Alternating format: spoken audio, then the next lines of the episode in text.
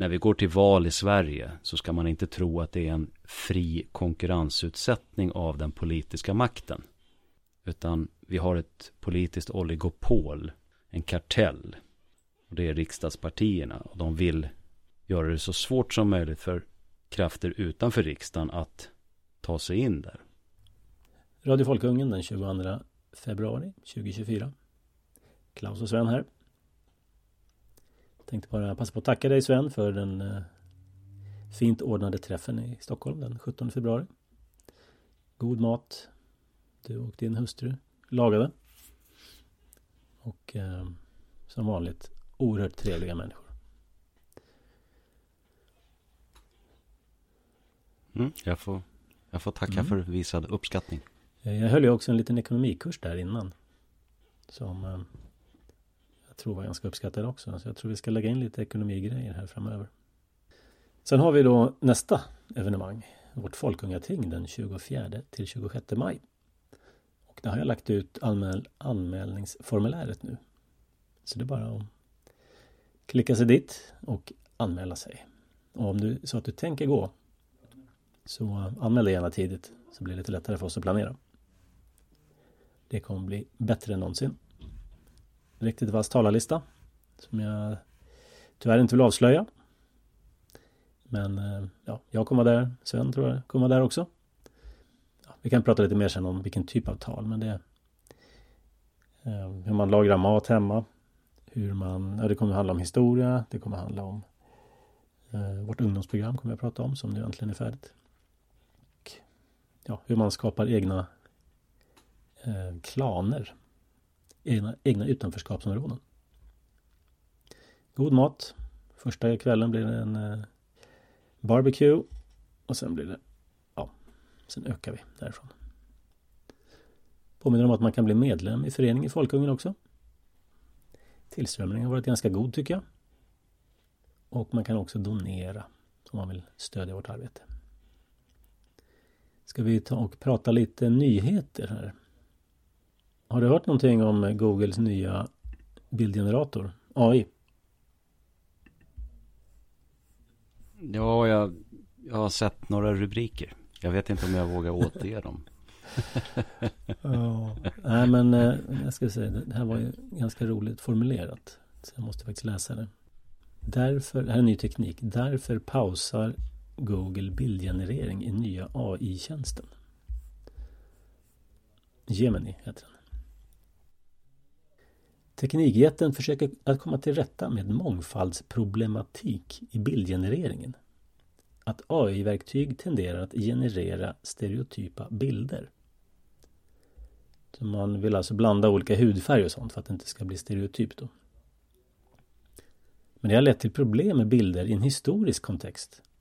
När användare exempelvis bad Gemini att skapa bilder på tyska soldater under andra världskriget så skapades sådana som, som asiatiska kvinnor och svarta enligt The Verge. Ja, vi jobbar på att förbättra den här typen av skildringar omedelbart.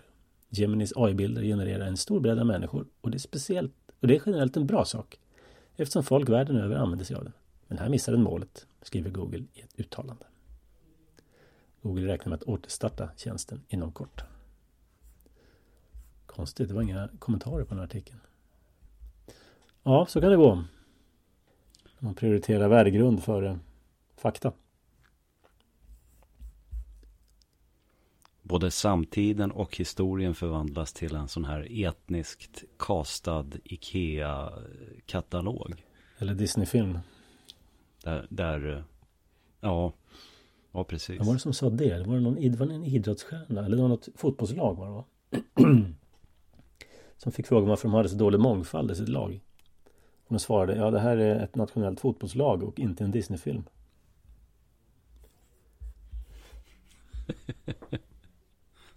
Jag måste ha kommit surt efter ja. på det. det här påminner ju om en eh, tidigare problem som Google hade. Med mångfald då. Jo, det här var ju då 2015. Så nästan tio år sedan. Då handlade det om bildigenkänning. Och nu tio år senare handlar det om bildgenerering. Så om tio år från med nu så är det väl filmgenerering eller någonting. Det går fort här. Men här står det så här då. On The Verge. Uh, Google fixed its racist algorithm by removing gorillas from its image labeling tech. Uh, jag ska försöka översätta här i realtid. 2015 så upptäckte mjukvaruingenjör Jackie Alciné att Googles bildigenkänningsalgoritm eh, kategoriserade foton på hans svarta vänner som gorillor. Google sa att de var förskräckta av misstaget och eh, bad om ursäkt och lovade att fixa problemet. Och det här är då 2018 när det här skrivet så att det var tre år senare. Men en ny rapport från Wired visar nästan tre år senare att Google har inte egentligen fixat någonting. Lösningen var att helt enkelt blockera bildigenkänningens eh, algoritmerna från att känna igen gorillor helt och hållet. För att slippa problem. Det var tydligen så svårt att separera så att man var helt enkelt bara tvungen att blockera det. Wired sa att de ut, jämförde många tester på Googles fotoalgoritm och laddade upp tiotusentals bilder på olika primater. Eh, babianer, eh, gibbons, var det någonting? Jag vet inte. Babianer, gibbons och marmosets, vad det nu är på svenska. Eh, de kategoriserades alla korrekt. Men gorillor och schimpanser blev fel. Publikationen upptäckte också att Google hade begränsat AI-igenkänningen till andra raskategorier. Om man letar efter Black Man eller Black Woman till exempel så fick man bara bilder på människor som var klädda i svart eller vitt. Sorterat av kön, efter kön men inte ras. Och en talesperson för Google kom, eh, bekräftade här för Wired att bildkategorierna gorilla, chimp, chimpanzee och monkey Eh, var fortsatt blockerade på Googles fotos. foton.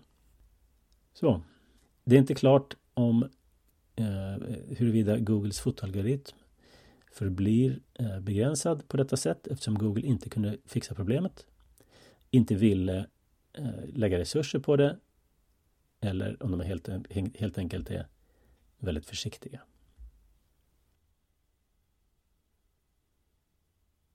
Vi har alltså möjligheten idag då att ha rasistiska algoritmer. Man, ut, man uttryckte det det, det är ju rätt märkligt. En algoritm har ju inget uppsåt eller det är bara en Ja, så man matar ju den information från den verkliga världen. Massa texter som folk har skrivit och sådär. Så att lämnar man den i fred så kommer den ju bli verklig, så att säga. Den kommer ju bli rasistisk på något sätt. Eftersom det här existerar i verkligheten. Så man måste hela tiden gå in och uh, lägga på filter och begränsningar så att den blir i överensstämmelse med värdegrunden. Så det, det jobbar nog en hel del människor med det. Man har inte kommit så långt alltså i med sina neurala nätverk och så vidare att man kan göra de här grejerna uh, woke self-aware. uh. ja, det kommer nog. Det kommer nog med tiden. Ja, jag tror det. Du tror det? Frågan är om det kommer före eller efter vi lyckas göra AI-genererad film. Men många av de här, speciellt när det gäller historiska skeenden, så är de ju rejält filtrerade redan. Så att eh, bilderna är kanske lite svårare då, men det kommer det med. Ja, en annan grej som vi brukar inte ta så mycket nyheter, men jag tyckte det var så mycket roliga grejer den här veckan. Så att, eh, i Tyskland ska det bli olagligt att håna staten, tänkte jag vi skulle ta upp också. De har en inrikesminister i Tyskland som heter Nancy Faeser. Faeser heter hon. Som har tagit fram ett nytt åtgärdspaket för att skydda demokratin, som det heter. Jag läser från Fria här. Eh, bland annat ska man då häva banksekretessen för påstådda högerextremister. Och personer som hånar staten ska jagas. Har du hånat staten någon gång Svan? Mm, får passa oh, ja. på för det här kommer nog till Sverige snart också. Ja, men det där är ju både roligt eftersom det är så det är dråpligt i sin dumhet. Men det är obehagligt också därför att de här människorna om vi nu tänker Tyskland så det ingår ju uppenbarligen inte i deras föreställningsvärld att de skulle förlora kontrollen över staten. Eh, det vill säga vi kan tänka oss att AFD blir regeringspartiet som tar kontrollen över staten i Tyskland. Och då har de byggt upp sådana jättefina verktyg åt AFD sen när de tar över. Precis. Och, och de ser inte framför sig att de själva kan hamna i en situation där de kan behöva håna en stat som eh, enligt deras förmenande har ett klandervärt mm. styre då. Och, och det här är väl Handlon då, Handlons rakkniv igen, att dumhet. De kan, ju, de kan ju knappast vara så oerhört säkra på att de aldrig kommer förlora makten och kontrollen. Nej, om trenden som vi ser nu i Tyskland fortsätter så ja, är det bara en fråga om tid. Ja, ja visst. Ja, det går ju väldigt bra för AFD. De måste ju försöka, de håller på att försöka förbjuda AFD. Men det är intressant att förbjuda Tysklands största parti. Det tror jag inte löser deras problem. Om man säger det så. Den här kvinnan var ju också vänsterextremist själv. Hon har skrivit i en tysk AFA-tidning och sådana saker. Så att hon är ju knappast objektiv eller neutral heller. Nej. Det, det, det, det, är den här viljan att hos liberaler och vänstermänniskor att allt, i varje given situation beskylla de som man kallar för högerextremister beskylla dem för att vilja införa eh, censur och, och, ett totalitärt styre. Det, den är ju absurd. Alltså det, jag betraktar mig själv som någon slags frihetligt sinnad nationalist. Och det ingår ju liksom inte i, i för, varken för mig personligen eller, eller för den delen i, i det parti jag är aktiv vi umgås ju överhuvudtaget inte med tankegångar på att man ska liksom kontrollera de politiska, om man hamnade i någon typ av maktställning, att man då ska börja kontrollera och förbjuda och, och, och en politisk opposition. Jag är säker på att du inte har fantiserat om det någon gång. Nej, jag brukar, då brukar jag fantisera om då, då är det mer revolutionära fantasier så att säga. Eh, men inte, inte att kasta liksom det svenska samhället in i totalitärt styre. Och jag, jag, jag träffar överhuvudtaget inte människor som tänker på, eh, på det sättet heller. Det är liksom det är en icke-fråga. Uh, och ändå så får jag höra hela tiden att jag är sån. Ja, men det är därför man ska ha en liten stat. Uh, en liten och svag stat starkt folk men en svag stat. Som man utan att behöva vara orolig för ja. kan lämna över i fiendens händer. Och man kan fortfarande sova lugnt om natten. Så att en stor stark stat kan ju vara kul så länge man har makten men sen blir det farligt. Ofta så förlorar man makten efter ett tag. Sen, sen bör det ju påpekas då att de, de eh, om man tänker sig, alltså Expo till exempel då, eh, som, som talar i termer av att eh, alla högerextremisterna vill inget annat än att införa ett totalitärt förtryckarsamhälle. Det finns ju ett bra uttryck där. Genom sig själv känner man andra. Fast här är skillnaden. De gör det av godhet. Och högern gör det av ondska. Ja. Ny, nymoralisterna. Ändamålen helgar medlen. Som det också heter. Och du vet, jag har ju också sådana här revolutionära fantasier ibland. Och jag vädrade det på en podd en gång för många år sedan. Och det där hamnade då hos Sveriges Radio så att de skickade mig ett mejl och frågade om jag ville försvara mig innan de gick ut med ett avsnitt om det här. Så att, eh, då erbjöd jag mig att eh, vara med i programmet. Men det ville de inte veta av förstås. Exakt. Då tappar de ju kontrollen. Lättare att prata om människor än med. Så håna på medan det är lagligt i Sverige. För att, eh, här håller vi på att förbjuda eh, historierevisionism och åsikter. Och Samnytts chefredaktör ska väl åka in någon månad för eh, att han har sagt något om den här djur... Och det måste jag säga rätt här nu så att jag inte... Så att inte jag åker dit också. Vad ska man säga? Näthatsgranskaren säger vi helt enkelt. Då ska man säga så här att Samnytt, eller Dagerlind på Samnytt, han påstod möjligen utan att ha grund för att påstå så, att Thomas Åberg har varit en djurplågare. Det får man en månad för. Där vill jag göra lite reklam faktiskt för en text som jag har skrivit på Folkungen. Den heter Näthatsgranskaren. Uh, nu är bidragssagan slut. Och det är faktiskt så att det är inte Thomas Åberg som i rent teknisk mening är näthatsgranskaren. Utan det är en ideell förening som heter Näthatsgranskaren. Mm. Det. Men det kan man läsa Men mer om. den är väl i stort sett nedlagd va? Bidragen tog slut. Ja, det blev för besvärligt att börja, eh, eller förlåt, att fortsätta eh, ge bidrag. Eh, Thomas Åberg satte ju i system att stämma gamla tanter och Mm. andra för förtal. Och det där var nog för mycket till och med för socialdemokratin då.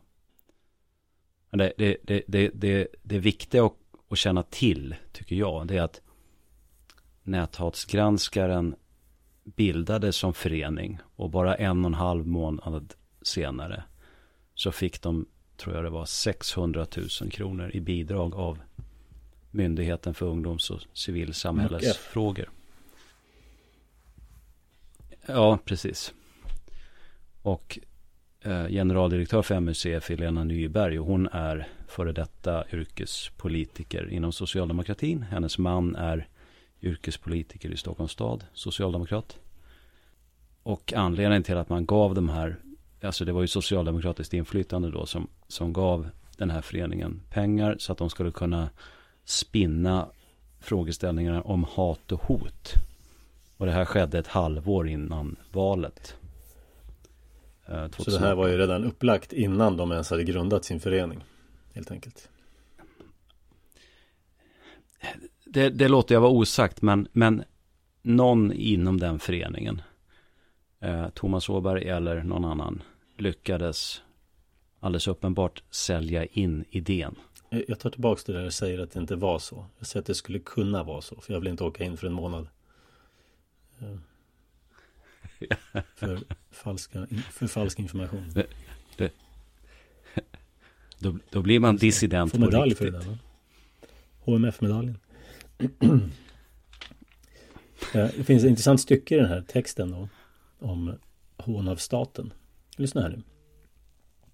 På tisdagens presskonferens underströk Nancy Faeser att hon vill komma åt den typen av hån som ännu inte är kriminaliserade och ryms inom yttrandefriheten.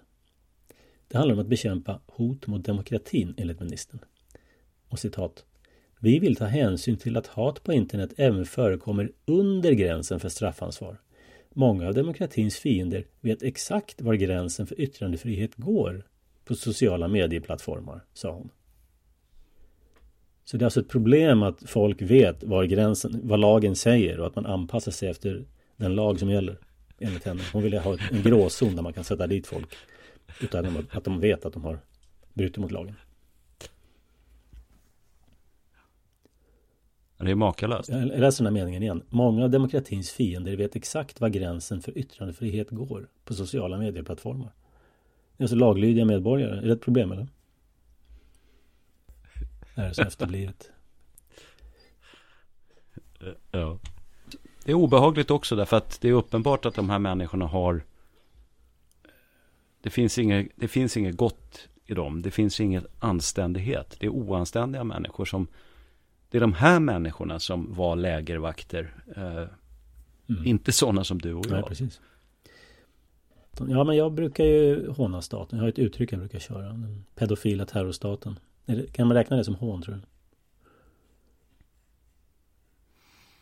Ja, men det, vi är väl på väg mot en situation där, där du kan ha hån mot, organ, eller förlåt, eh, hets mot Ja. organisationsnummer. Och det, liksom, det, det, det, yppersta organisationsnumret det är då, det är staten. Liksom.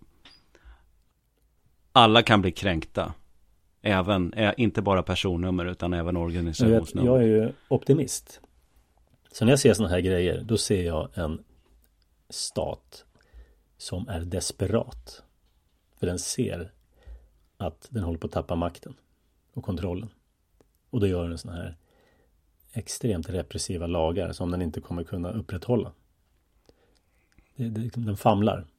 Och eh, det är för mig ett tecken på att slutet är nära.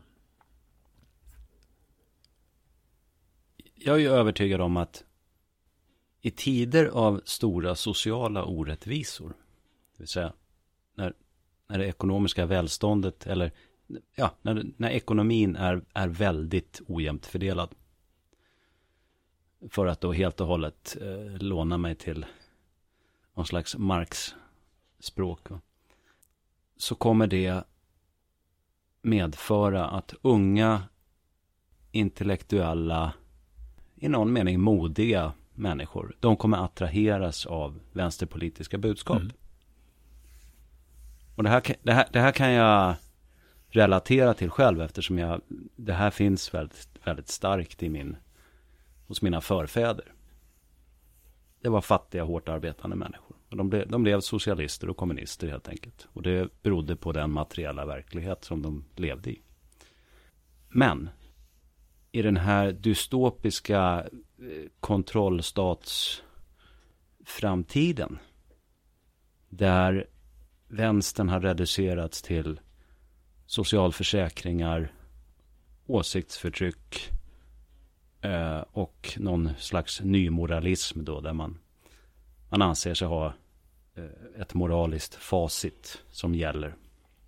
Så kommer inte de här unga intellektuella, modiga eh, individerna att dras till vänstern. Utan de kommer, att, de kommer helt enkelt att dras till oss. Och det här brukar jag tänka på när jag, när jag är modfälld. Då tänker jag att det finns i alla fall en framtid där det kommer komma en verklig motreaktion mot de här dumheterna som är det ledande narrativet. Är det någonting man kan vara säker på så är det att det alltid kommer en motreaktion. Och nu när man har tryckt, tryckt den här så långt till vänster ja. så kommer pendeln svänga tillbaka långt, långt åt andra hållet. Så att eh, de här repressiva staternas rädsla, den är helt klart befogad. Och sen så vill jag också påminna om det som den gode amerikanska översten, mm, Douglas McGregor, va? heter han väl? Vad han sa. Han sa att sacred cows don't get slaughtered, they simply vanish. Alltså, heliga kor slaktas inte, de bara försvinner. Så, så bäst vad det är så, så finns inte Expo längre. Därför att uh, det blir fult att hålla på med det de gör. Och så bara dryper mm. det av liksom. Och, och det gäller massa andra saker också. Ja, nej, men jag är, jag är hoppfull. Det har jag goda skäl att vara. Jag tänkte bara knyta an till en sak som du sa där, det här med klyftor i samhället. Ehm, det finns vissa naturliga klyftor i samhället. Som jag inte har någonting emot egentligen. Det kan vara, om man nu pratar ekonomiska klyftor. Det kan vara att det är någon som gillar att jobba och tjäna massa pengar. Så finns, är det någon som gillar att ja, tjäna minimalt, bara så han överlever och sen ut och vandra i skogen. Och då blir, uppstår det ekonomiska klyftor mellan de här. Och det är helt naturligt. Men de klyftor som uppstår i samhället idag eh, är inte naturliga. När du har till exempel centralbanksväsendet jag kommer ha en eh, ekonomihörna i podden här lite längre fram och då kommer vi gå in på det där. Eh, som skapar enorma klyftor mellan de som äger tillgångar och proletärer, det vill säga de som är egendomslösa. Eh, därför att centralbanksväsendet och inflation det gynnar de som äger på bekostnad av de som inte äger. Alltså de som inte äger finansierar de som äger. Och det här är onaturliga klyftor jag vet inte om jag har dragit det här förut, men en vän till mig, han brukar tacka de fattiga för han bor i ett fint hus i Danderyd. I stort sett gratis med de här låga räntorna som varit. Och det är de fattiga som betalar. De som bor i hyreslägenheter i förorten. Då tycker jag vi går in på dagens tema. Och dagens tema heter valsedlar. Ordet är ditt. Det här är din, ditt expertområde. Ja, Anledningen till att vi pratar om det nu är att regeringen har tillsatt en utredning här. Jag tror att beslutet fattades den 15 februari. Och den utredningen ska, som det heter, göra en översyn av valsedelssystemet. Och det här är faktiskt en punkt ifrån Tidöavtalet mellan regeringspartierna och Sverigedemokraterna var en av de sista punkterna i det avtalet. Som om jag kommer ihåg rätt nu omfattade drygt 50 punkter. Bara en snabb eh, fråga här. Är det bra eller dåligt det som ska göras? Det är bra. Men, men det finns men. Okay. Till att börja med så kan man slå fast eh, vad problemen är med valsedelssystemet. Det kommer jag till. Men vi, vi kan slå fast på en gång att man har väntat så pass långt in i mandatperioden så att nu tillsätter man den här utredningen och den ska redovisa sina resultat hösten 2025. Så att oavsett egentligen vad man kommer fram till där så kommer man inte hinna implementera några förändringar till valet 2026. Och det är precis så man vill ha det. Varför då? Jo, etablissemanget tjänar grovt på det valsedelssystem vi har. Så det finns inget som helst intresse av att göra om det här. Så varför har man en sån utredning överhuvudtaget? Ja, det, det är nog faktiskt Sverigedemokraternas förtjänst. Det har levt kvar i det partiet. De, de, de, har fortfarande minnen ifrån när de själva var drabbade av det här systemet kan man säga. Och, och, och därför har de haft den här frågan kvar. Men jag tror inte att den här frågan är viktig för dem längre. Därför att nu när de sitter så att säga väl eh, grundfästa i riksdagen så tjänar de också på det här systemet. Och vad det här systemet gör, det är att de, det, det, det gör det väldigt svårt att konkurrera utanför riksdagen med riksdagspartierna. Och jag brukar uttrycka det på det sättet att när vi går till val i Sverige så ska man inte tro att det är en fri konkurrensutsättning av den politiska makten. Utan vi har ett politiskt oligopol, en kartell.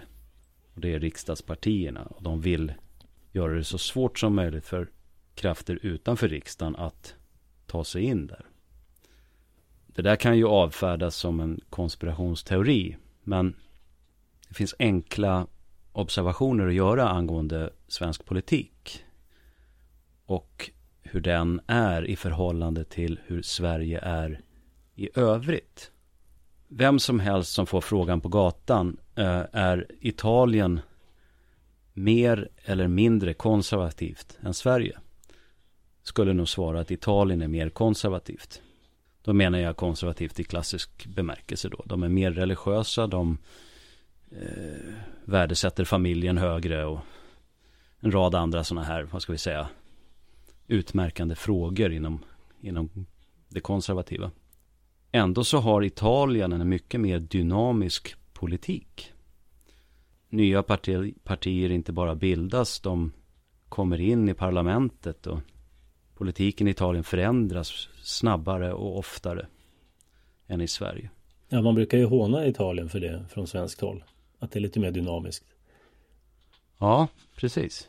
Man vill ha det stabilt. Och sitta kvar vid köttgrytorna. Det här styrker ju bara min, min tes då. Och å andra sidan, Sverige i alla andra sammanhang så är såväl självbilden som verkligheten och även eh, andra kulturers betraktande av Sverige. Det är ju att vi är världens modernaste land. Att vi är progressiva. Vi är snabba att hoppa på nya trender, moden, nycker. Dum, dumheter. Ja, och de här två bilderna av Sverige, de går ju inte ihop. En jättekonservativ och politik med en mycket låg grad av dynamik. Medan vi byter kläder och matvanor som aldrig förr. Och det här beror på det valsystem vi har. Och det finns det är inte bara valsedlarna, det är 4% spärren och det andra partistödet. Alltså de etablerade partierna har enorma konkurrensfördelar. Men nu var det valsedlar och som sagt utredning tillsatt. Och det jag tänkte göra det är att lämna lite exempel då på vad som är tokigt med det här systemet. Det här är sånt här som jag själv gärna skulle debattera på en större tidningsdebattsida eh, eller varför inte i ett tv-program eller på Radio P1 eller någonting. Va? Men här råder totalt stopp. Va? De här frågorna får aldrig, aldrig någonsin debatteras av företrädare för små partier. På sin höjd får man in en insändare i en liten lokaltidning i de här frågorna. Sen är det helt stopp. Trots att det handlar om demokrati, vilket ju är fantastiskt viktigt enligt alla inom etablissemanget. Och för att jag ska kunna förklara vidare här så måste jag komma med några definitioner. Man brukar prata om enprocentspartier. Det är ett politiskt parti som i något av de två föregående valen har fått minst en procent av rösterna. Är man ett enprocentsparti så kan man sägas tillhöra det politiska etablissemanget. Du sa de senaste två, något av de senaste två valen. Ja. Sen behöver jag också förklara att det finns tre olika typer av valsedlar. Det finns blanka valsedlar. Det är originalvalsedlarna. Det är de man använde redan 1909. Innan ens den allmänna rösträtten var införd. Sen började partierna att tillhandahålla färdigtryckta valsedlar som en slags reklamgrej då. Och så, som mycket annat som sker ideellt så har det sen i socialdemokratisk regi övertagits av staten. Så att nu har staten monopol på att trycka valsedlar. Det är viktigt att det görs på rätt papper då. Så man får inte bara printa ut sin egen och stoppa ner i ett kuvert. P precis. Annars, annars vore det en enkel lösning på det här. Ja, jag kan ju säga, eftersom jag vet exakt hur den här hanteringen går till, så finns det inga som helst skäl till att inte tillåta ett sånt förhållande. Men, så att blank valsedel, det är den ursprungliga valsedeln. Den använder man genom att skriva partiets namn. Och om man vill då en kandidat också. Sen finns det partivalsedlar. Hur viktigt är det att det är exakt rätt stavning på de här? Det är inte alls viktigt. Det är en myt man är väldigt förlåtande när man eh, räknar de här. Och rösterna räknas två gånger. Dels av röstmottagarna i vallokalen då när röstningen tar slut. Sen räknas de en gång till av Länsstyrelsen. Och alla underkända röster sparas. Så, så det, det är en väldigt hög transparens i det här systemet. Det där kan vi återkomma till faktiskt, för det är viktigt. Men parti, partivalsedel, det är en färdigtryckt valsedel med ett partinamn, inga kandidatnamn. Och så finns det namnvalsedlar, då finns det både ett partinamn och sen en lista med kandidater. Och då tänkte jag dra fyra sjuka förhållanden som gäller i valsedlar och sen även en sak som gäller röstmottagarna. Och röstmottagarna det är det som förr hette valförrättare. Det har det inte hetat på väldigt länge. Mycket finare ord. Ja, lite mer högtidligt. Mm. Men eh, ja, lokalvårdare och så vidare. Vi har sett alla de här orden förflackas. Då är det så här att de etablerade partierna, enprocentspartierna, de är garanterade färdigtryckta valsedlar i vallokalerna. Genom att vallagen säger att för de partierna ska det tillhandahållas via kommunens valnämnd partivalsedlar. Så att ett sådant parti behöver aldrig vara oroligt för att det saknas färdigtryckta valsedlar med deras partinamn på.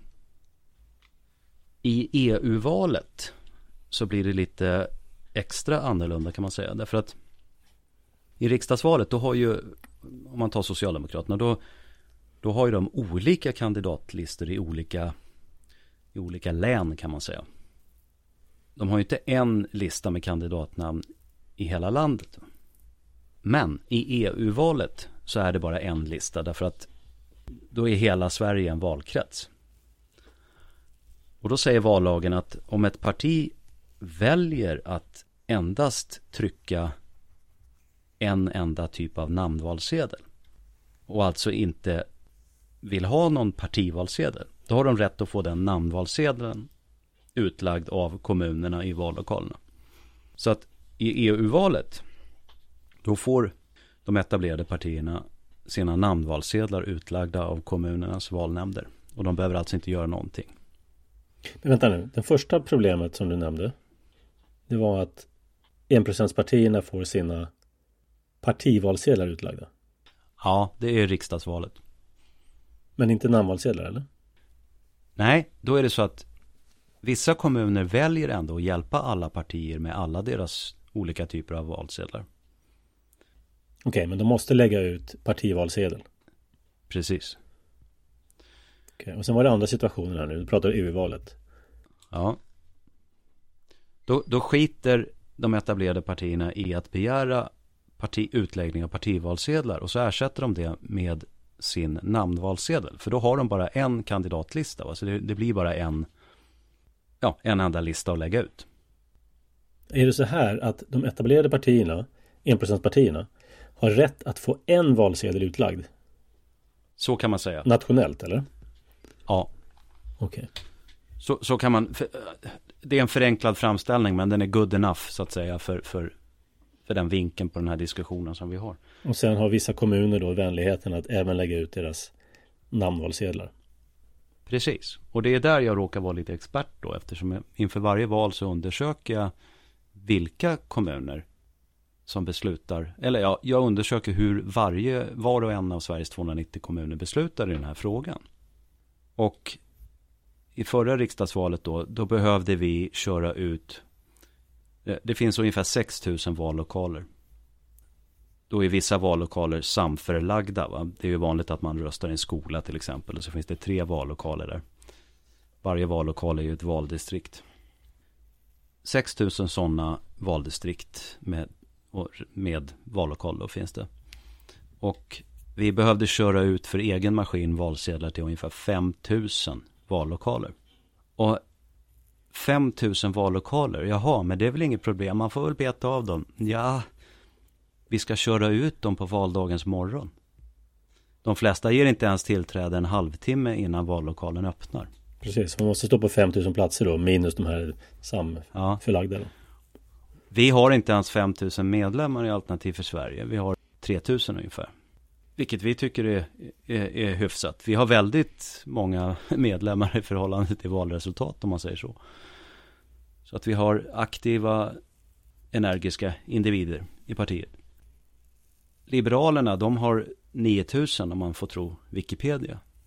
Så att Liberalerna ska, skulle, för, för att de skulle ha valsedlar på plats klockan åtta i varenda vallokal i Sverige, så skulle varannan medlem i partiet behöva stå vid en vallokal.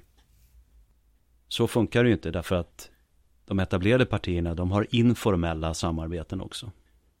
Det här är lite olika i olika, olika kommuner då. Men det är, ett, det är ett fruktansvärt arbete bara för oss att få valsedlar på plats i vallokalerna. Och detta i ett land som vinnlägger sig om att kalla sig för demokrati. Det är ju helt absurt. Jag, jag brukar köra själv ungefär 20 mil bil på valdagen för att lägga ut valsedlar.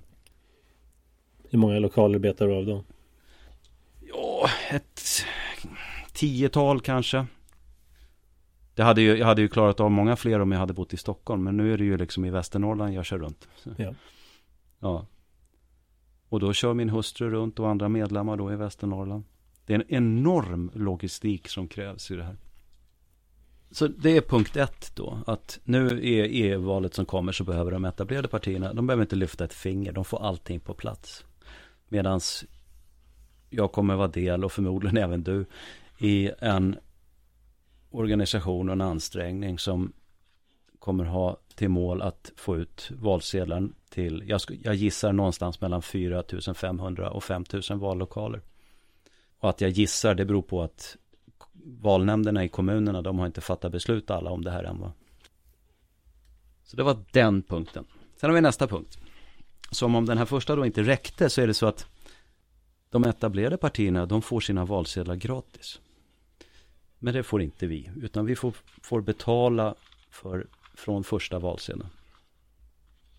Det heter inte i vallagen att valsedlarna är gratis för de etablerade partierna. Utan de har vad som kallas för den fria kvoten. Och det är formulerat på det sättet att de har rätt till en, en fri kvot som motsvarar det tredubbla antalet röstberättigade väljare. Och eftersom vi har ungefär 7 miljoner röstberättigade i Sverige så handlar det om att de har rätt att få gratis 21 miljoner valsedlar ungefär. Och det är per, per val, alltså per riksdagsval, kommunalval, regionval, EU-val. Mm. Medan vi, vi ja, jag ska inte avslöja den exakta kostnaden då, men den överstiger 100 000. Man kanske skulle öppna valsedelstryckeri. ja. Få statligt monopol eller oligopol i alla fall. Ja, det är ju, allt det där går ju via Valmyndigheten då. Så att det är de som har ramavtal och så vidare upphandlade med, med tryckerier jag hinner inte dra, det, det, finns massor med tokiga saker här som jag inte kan gå in på. Även när det gäller då tryckningen av valsedlar och i vilken ordning de trycks då till de olika partierna. Och när de ska vara levererade senast 45 dagar eh, före valdagen. Och det där är, det är fullständigt godtycke som råder. Vilka partier som får sina valsedlar först och sådär. Så att de etablerade partierna, de får valsedlarna eh, distribuerade på valdagen. De får valsedlarna gratis. Sen har vi en liten udda punkt. Det, det, det råder sån dissonans mellan verkligheten och de fina orden som etablissemangets politiker brukar yttra. Då är det så att med det här valsedelsystemet vi har så kan i praktiken inte synskadade människor rösta med bibehållen valhemlighet. De ser ju helt enkelt inte valsedlarna det påstås då från Valmyndigheten att det finns vissa möjligheter att rösta med punktskrift. Men jag har ännu inte fått någon redogörelse för, jag väntar faktiskt på det nu, över hur det skulle gå till. Alltså det är ju inte så att blinda människor skriver punktskrift. Nej, det är det som är konstigt. Och, och jag ska också säga det, för att om nu Expo sitter och lyssnar på det här och vill göra mig till konspirationsteoretiker. Det, det här är en väldigt levande fråga hos så att säga kollektivet synskadade. Deras, eh, nu glömde jag bort här hastigheten vad de heter, heter de Synskadades riksförbund tror jag. Eller något liknande. De har försökt att påverka politiker i, alltså inte i åratal utan snarare decennier. Och det har inte hänt någonting. Och anledningen till att det inte händer någonting, återigen, det är för att de etablerade partierna tjänar på det här systemet. Så att man, man är alltså villiga att i den här fina demokratin kasta synskadade människor under den demokratiska bussen så att säga. Det tycker jag är rätt äckligt. Mm. Och det visar också att de har liksom inte rent mjöl i påsen. Va? Jag, jag ska också säga då att det här systemet vi har, det är ju i stort sett unikt internationellt. Det land som kommer närmast är Norge. Och det går ju tillbaka då till eh, Sverige var ju i union med Norge. När man började ha så att säga röstning i samhället. Det fanns ju sådan innan den allmänna rösträtt. Eh, så att de har ett liknande system. Men i, i Norge så är det den statliga valadministrationen som har hela ansvaret för, för valsedlar. Och det helt dominerande sättet att rösta i världen det är att man har en gemensam valsedel för alla partier. Så man bara kryssar i då när man väljer? Eller? Ja, de brukar bli rätt stora då så att det är liksom som ett stort ark som man viker ihop sen och stoppar i urnan. Har de eh, personval på det också då eller? Ja, det kan göras på olika sätt. De som har det absolut enklaste, elegantaste systemet är ju Finland. Det är i stort sett bara en tom lapp med en cirkel och i cirkeln så skriver man ett nummer och det numret tar man från en lista med namn på valbara människor. Och sen är varje människa knuten till ett parti. Mycket enkelt. Elegant. Ja, elegant. Sen så röstar de ju ändå fram tokiga människor, men det, det är en annan fråga. ja, ja precis. Det, Sanna Marin var ju inget... Riktigt bottennapp. Ja, precis. Den här nya är väl också en globalist så det är väl inte något, något att hänga i julgran heller direkt. Men ja, ja, nåväl, jag avviker från ämnet.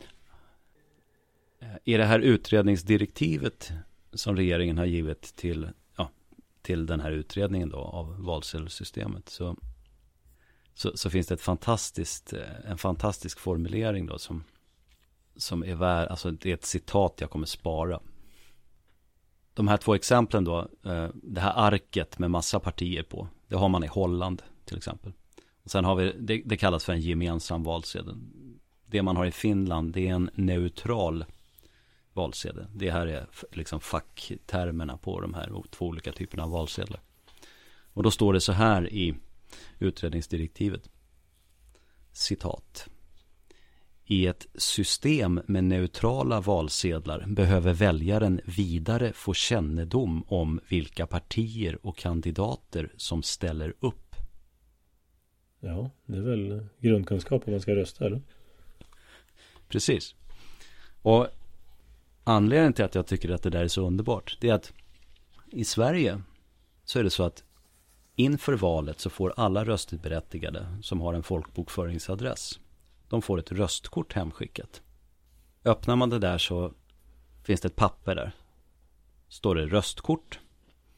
Och så står det, eh, finns det information om vilket valdistrikt man tillhör. Och det, och det här skrivs då på tio språk eftersom alla som röstar inte kan svenska. Det tror jag faktiskt inte. Jo, jag har sett de där, när jag fick hem det där så uh, minns jag att det står på många språk på baksidan på den där hur man ska ja. göra. Okej, okay. ja det är möjligt. Jag har, jag har inte tänkt på det faktiskt. Anledningen till att jag inte har reflekterat över just den saken det är att man har ju ingen praktisk nytta av det här röstkortet. Uh, om du går till din vallokal på valdagen och röstar så räcker det att du kan legitimera dig. Däremot så behöver du ett röstkort om du ska förtidsrösta. Men då är det så att i de lokalerna så kan de nästan alltid skriva ut ett nytt röstkort åt den. Så att i praktiken behöver man det inte där heller. Men man skickar det där röstkortet då, trots att det inte behövs. Men man bilägger ingen information om vilka partier som är valbara i valet. Mm. Och det, det, är ju rätt, det är ju rätt så sjukt. Om, om, om, om du går på ett, Eh, ett årsmöte i en bostadsrättsförening eller vilken förening som helst så är det ju fundamentalt att du har ett nomineringsförfarande innan årsmötet. Och inför årsmötet så får man en kallelse, det vill säga röstkortet. Och med kallelsen så medföljer information om vilka som är valbara. Så funkar de flesta föreningar. Men inte föreningen Sverige. Mm.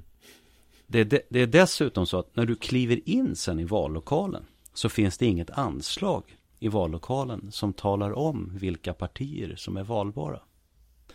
Det som finns, det är ett ställ med valsedlar. Men lyssnarna har nog förstått vid det här laget att det finns ju ingen garanti att det finns några valsedlar för små partier där. Va? Så att hela det här systemet är gjort för att människor ska växa upp då i Sverige och tro att det är bara de här etablerade partierna som finns. Bibehålla status quo. Ja.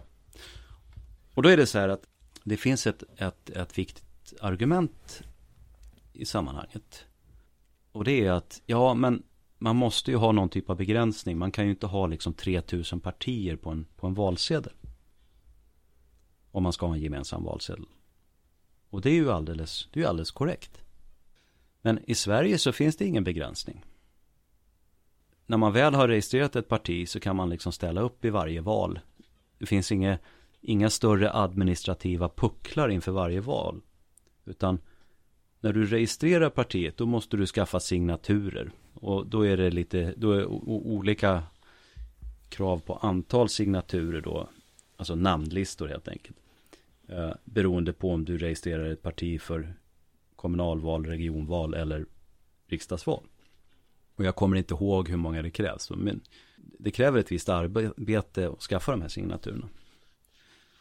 Men när du väl har gjort det, då är ditt parti registrerat och sen så kan du eh, eh anmäla ditt deltagande i varje val sen. Utan att det finns några större då pucklar så att säga. Så här funkar det inte i flera andra länder. I Italien, då måste man skaffa de här signaturerna inför varje val. Det vill säga, och, och jag tycker ju att det är ett utmärkt system, va? därför att ett, ett, med Wikipedias ord så ett politiskt parti det är en sammanslutning av människor som söker makt. Och det ligger i sakens natur då att ett, för att ett parti ska vara valbart i en, i en sån stor process som ett riksdagsval är så, så måste man visa på sitt att man har ett, ett eh, seriöst uppsåt så att säga. Och då är det perfekt att inför varje val kräva en hel del ideellt arbete. Att samla in underskrifter. Mm. Och återigen, konservativa Italien har en stor politisk dynamik. Jätteprogressiva Sverige är stockkonservativa när det gäller riksdagens sammansättning. Det, det, är liksom, det är Kristdemokraterna, Miljöpartiet och Sverigedemokraterna som har permanentat en tillvaro i konkurrens med etablerade partier i princip. Sen har vi några som har kommit in men raskt åkt ut. Eller kanske bara ett, ett bara va, Ny Demokrati. Feministiskt initiativ kom ju inte in men, men de fick ju några procent i alla fall. Fick en plats i EU-parlamentet också. Ja, och i EU-parlamentet så hade vi junilistan en mandatperiod också. Piratpartiet. Ja. Ja, men det här låter ju som sammantaget att Sverige kanske inte är den bästa demokratin. Det är precis så det är. Det är precis så det är. Och på riksdagens hemsida kan man då läsa. Man, man brukar ju, eh, det finns ju vissa villkor som ställs upp då för att demokrati ska anses råda. Och då brukar man tala i termer bland annat av då fria och hemliga val. Så att när, när de synskadade inte kan rösta med valhemlighet så är och välter det omkull den svenska demokratin. Visst, man kan rent praktiskt hävda att de är inte så många så det spelar ingen roll. Men sett ur deras synvinkel så råder inte demokrati. Sen, sen, sen, brukar man också säga, vilket riksdagen gör på sin hemsida, att val ska vara rättvisa. Och ett barn på lågstadiet kan förstå när man förklarar det här med valsedlar att det är inte ett rättvist förhållande. Att etablerade partier får skattebetalarnas börs till hjälp när de ska ha valsedlar. Och de är alltid garanterade att det finns valsedlar i vallokalerna.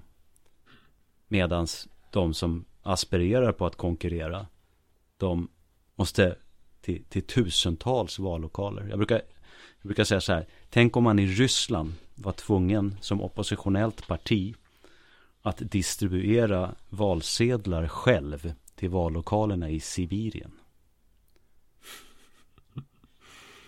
Sverige är ju ett av Europas mest glesbefolkade länder. Mm. Men så här, så här ser det ut. Och återigen, jag vill debattera det här. Ingen som vill debattera det här släpps in någonstans.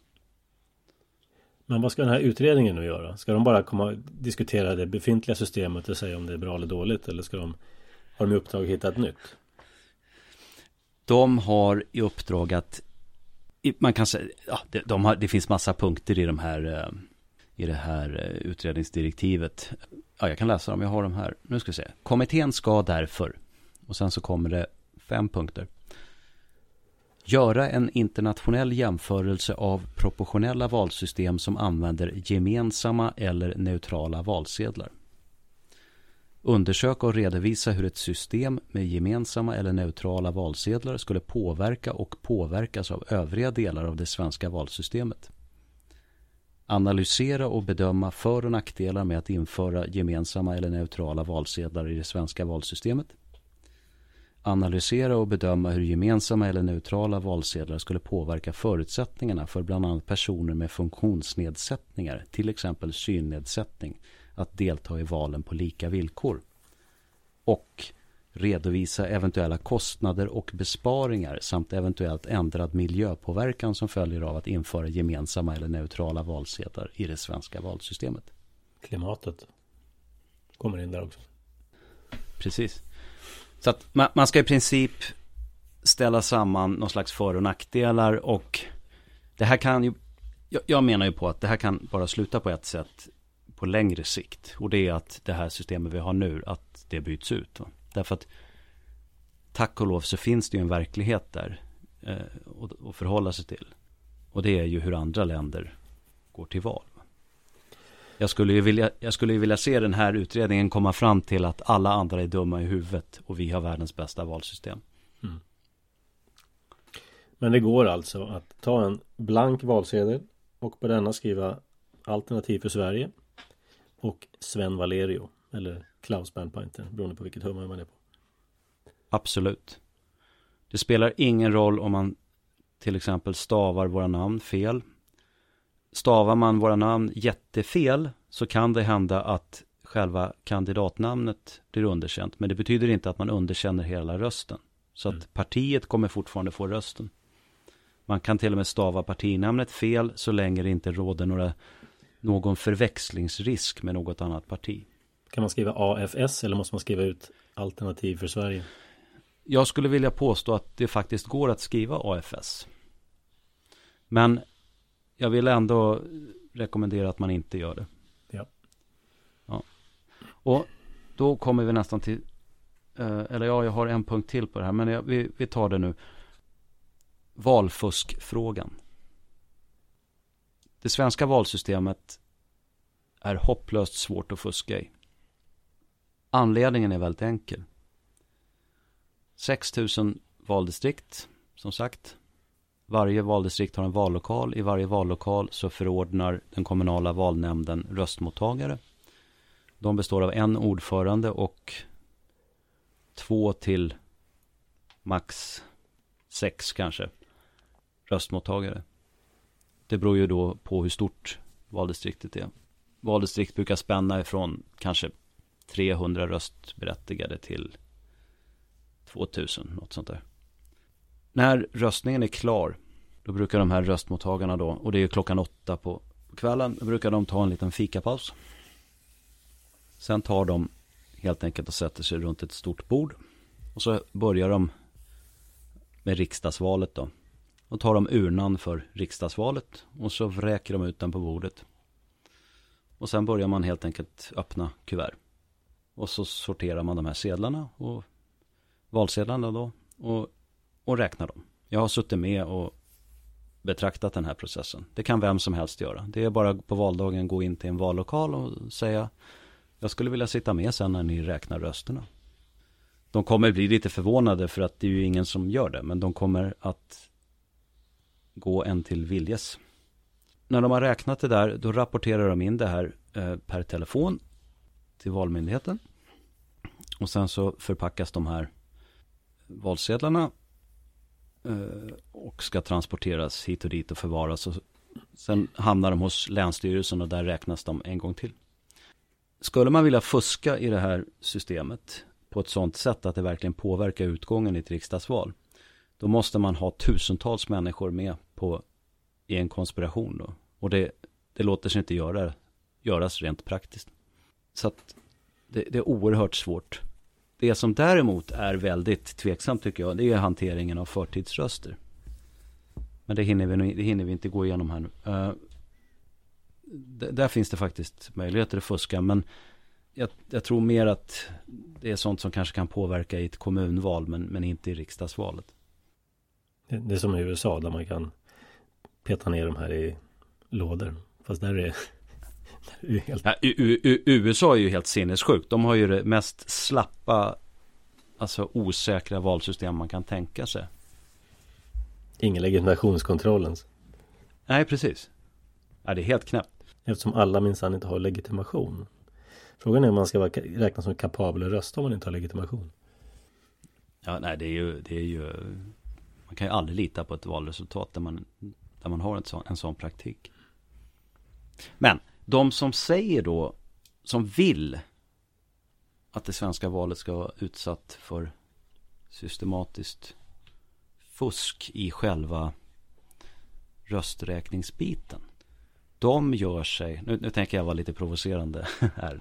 De gör sig till etablissemangets nyttiga idioter.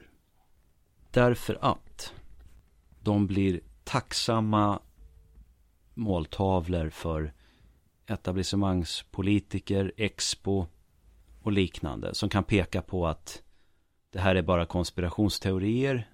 Ni vet inte vad ni pratar om och så vidare. Och det, det är väldigt lätt att visa då att det är oerhört svårt, omöjligt att, att påverka liksom valutgången i riksdagsvalet. Mm. Och de vill väldigt gärna ha den diskussionen. Därför att den skymmer effektivt sikten. Eller leder bort blicken från det som är det verkliga fusket. Vilket är det jag har redogjort för här under vårt samtal. Alltså ekonomiska, ett ekonomiskt gynnande av de etablerade partierna. Man skapar hinder för, för utmanare som är oerhört svåra att ta sig över. Och så slänger man på en 4% spärr på det i riksdagen också då. Just det. Så att istället för att det här diskuteras så är det ju oerhört tacksamt då att kunna ha, titta de, de tror på valfusk och så här. Så att alla som, alla som gillar och indik, ja, alla som vill, gillar att spekulera kring valfusk, de, de borde sätta sig in lite mer i hur valsystemet funkar och liksom ändra det finns ju, det, det, det, det, riktiga fusket, det är ju liksom själva systemets utformning och det, det ligger i öppen dager för alla att beskåda. Mm. Ja, man ska alltid, kriter, man ska alltid kritisera, rätt, kritisera rätt sak. Ja, sista punkten som jag bara tar med, den har ingenting med valsedlar att göra egentligen, utan med den så vill jag bara styrka hur sjukt det här systemet är och hur sjuk vallagen är. Röstmottagarna eh, man brukar säga att det svenska valet är decentraliserat. Det betyder att vi har en statlig valmyndighet. Den har bara lite administrativa uppgifter när det gäller valsedlar och sammanställa valresultatet. Sen är varje länsstyrelse regional valmyndighet. De gör egentligen bara två saker. De räknar rösterna en andra gång och de utbildar valadministrationen i kommunerna. Och så har vi 290 kommunala valmyndigheter och det är kommunernas valnämnder. Och det är de som har hela makten i det här. Så att vi går inte till val under samma villkor i Sverige. Beroende då på vilken kommun vi bor i. Och det är väl okej okay när man röstar till kommunen. Men det är ju rätt så sjukt med tanke på att vi röstar ju också fram en riksdag. Så att varje valnämnd till exempel beslutar om hur valsedlarna ska presenteras. Valmyndigheten har rekommendationer men det, de följs inte av alla kommuner. Mm. Och det är saker som då, ska valsedlarna stå i bokstavsordning? Ska riksdagspartierna stå i ett separat ställ och alla övriga i ett annat? Och så vidare. Och sen så Sen förekommer det ju fusk också att man plockar bort du, ja. du, du tar din motståndares valsedlar och slänger för att de inte ska finnas. Liksom. Det, kom, det inkom till, till vad heter det, valprövningsnämnden så inkom det tror jag 600 klagomål efter förra riksdagsvalet. Och en kraftig majoritet av dem handlar ju om valsedelsfrågor på ett eller annat sätt. Men det är valnämnderna som förordnar röstmottagare. Att vara röstmottagare är inte ett förtroendeuppdrag. Utan det är helt enkelt en, ett arvoderat uppdrag. Man kan säga att det är en jättekort anställning nästan. Du får en uppgift mot en ersättning. Och det sjuka är att det ställs bokstavligen inga som helst proforma-krav på röstmottagarna. Mm. Det finns en formulering eh, som är luddig och helt ointressant. Men en röstmottagare i Sverige behöver alltså inte ens själv ha rösträtt i valet. Behöver han kunna svenska? Behöver inte vara svensk medborgare. Finns ingenting som hindrar att man är kriminell. Ja, det är samma som med rösträtten. ja, ja, i, i och för sig. Ja, men jag brukar göra den, eller det tankeexperimentet att Sverige är ockuperat av främmande makt. Främmande makt har sina soldater på våra gator och torg. ockupationssoldaterna kan förordnas av valnämnden som röstmottagare. Det finns ingenting som hindrar det. Intressant perspektiv. Att det ser ut, alltså du får till och med själv vara valbar i valet. Samtidigt vara med och räkna rösterna. Mm. Valmyndigheten, jag ska säga det att jag har haft en hel del kontakt med Valmyndigheten genom åren. Stackarna. Ja, ibland på ett rätt så rättshaveristiskt sätt då. Men det, det är liksom enda sättet att försöka påverka. Men jag kan passa på att ge dem en, en eloge. De vet mycket väl om, kan jag säga, att Sverige har ett unikt och bisarrt valsystem. Och särskilt då valsedlarna. De har i snart 20 års tid tror jag. Som allra minst sedan 2010 så har de efter varje val påpekat för sittande regering att det här systemet bör ändras. Och, och det, det, är ju rätt så intressant. För, att, för tänk att en annan expertmyndighet, Socialstyrelsen till exempel, säger till politikerna att ni, ni har ett havererat sjukvårdssystem. Ni måste vi anser att det här måste ändras. Och så får det här bara pågå år ut och år in. Det skulle bli rätt så stora debatter i, i media om, om Socialstyrelsen gick ut med den åsikten. Men när, när Valmyndigheten gör det så blir det inte ens en gäspning i massmedia. Mm. Ja, intressant. Ja, så, som land så kan vi fortsätta ha ett högt demokratiskt anseende i omvärlden. Därför att man ska komma ihåg att det är alla länder som inte talar något av de stora språken. Engelska eller franska eller spanska. Alla de länderna är ju i praktiken väldigt slutna mot omvärlden. Det är oerhört svårt att som utländsk journalist som inte pratar svenska bilda sig en uppfattning om, om sådana här saker. Det finns ju knappt någon information på engelska. Jag fick för mig för några år sedan att fråga Valmyndigheten om den svenska vallagen fanns översatt till engelska. Ja, tydligen så fanns en äldre version, fick jag veta då. Men den, den aktuella vallagen som gällde, den fanns inte översatt till engelska. Det kanske har ändrats nu då, det här är några år sedan. Mm. Det, det, betyder ju då att den enda gång som det var valobservatörer på plats i Sverige, 2018, så har, har de inte ens kunnat läsa vallagen. var det inte ryssar här då som valobserverade? Ja, det var, det var faktiskt det var Ryssland som såg till då via OSSE att det blev valobservatörer i Sverige. De var sura på, på Sverige och så Så dömde de väl ut systemet? Nu är allt sånt där e-, Efter krigets början så, så är ju allt sånt där ointressant men Men uh, Det var ändå rätt så komiskt liksom. Just det. Ja, jag skulle ju vilja göra en radikal förändring av hela systemet. Vill du höra? Kör på. För det första skulle vi inte ha För det första skulle vi bara ha kommunalval eller sockenval. Helst. Det är nummer ett. Nummer två är att vi ska begränsa antalet frågor som överhuvudtaget är politiska.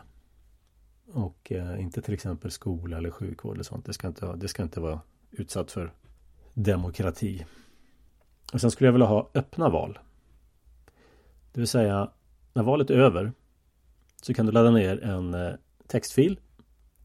Där kan du se namn och röst. Jag har skrivit om det här också på Folkungen för ett tag sedan. Eh, på så sätt så kan man kontrollera att min röst är rätt registrerad och jag kan själv kontrollräkna. Och eh, vill man då inte vara öppen med sin eh, med sitt val. Det vill säga jag kan inte motivera varför jag röstar på ett visst sätt. Nej, då får man stanna hemma. Kan man inte stå för sin åsikt då får man hålla den för sig själv. Där har du en lösning. Och sen vill jag naturligtvis ha viktade eh, röster också.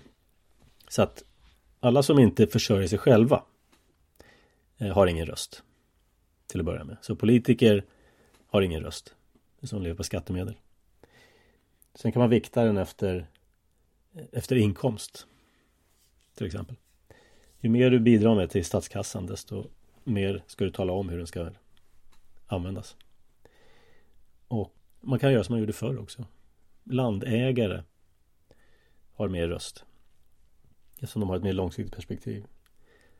Folk med barn har mer röst än de utan barn. Kriminella har givetvis ingen röst. Det har några punkter i min reform. Mm. Nej, jag, jag, jag umgås med liknande och utlänningar är bara att glömma. De ska inte ha röst. De ska inte ha politiskt inflytande överhuvudtaget. Nej. Dubbelt medborgarskap är någonting som ska förbjudas i politiska sammanhang. Absolut.